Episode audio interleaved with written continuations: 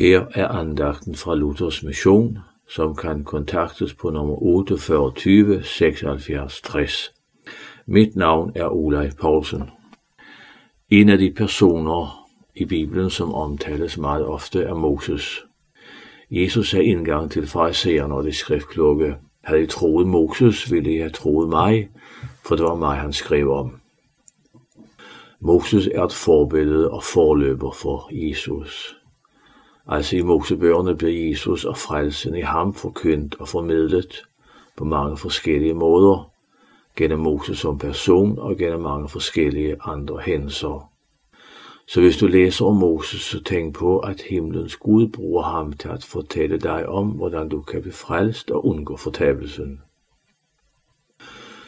Det er ikke særlig opløftende at tænke eller tale om fortabelsen, men fordi Jesus nævner det ty- klart og tydeligt, er vi nødt til at tage det ind over os også.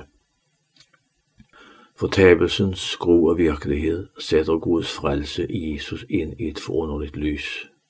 Tænk, at vi mennesker, som fortjener dom og fortabelse, også har Gud allerede før verden blev skabt, tilvejebragt en frelse, som ligger færdig til alle mennesker.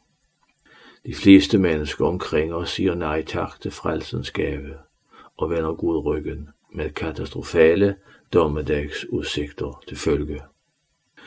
Gud vil, at alle mennesker skal frelses og være sammen med ham i evighedens paradis, hvor fuldkommen harmoni råder i alle sammenhænge. Hører du kaldet og indbydelsen fra herlighedens Gud, så bøj dig ned for ham og grib frelsens udrakte hånd. Det er en gratis gave, der rækkes dig.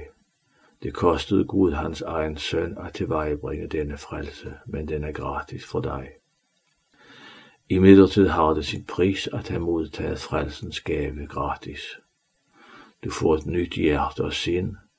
Du elsker dine medmennesker og ønsker hjertet, at også de må møde Jesus som frelser og herre.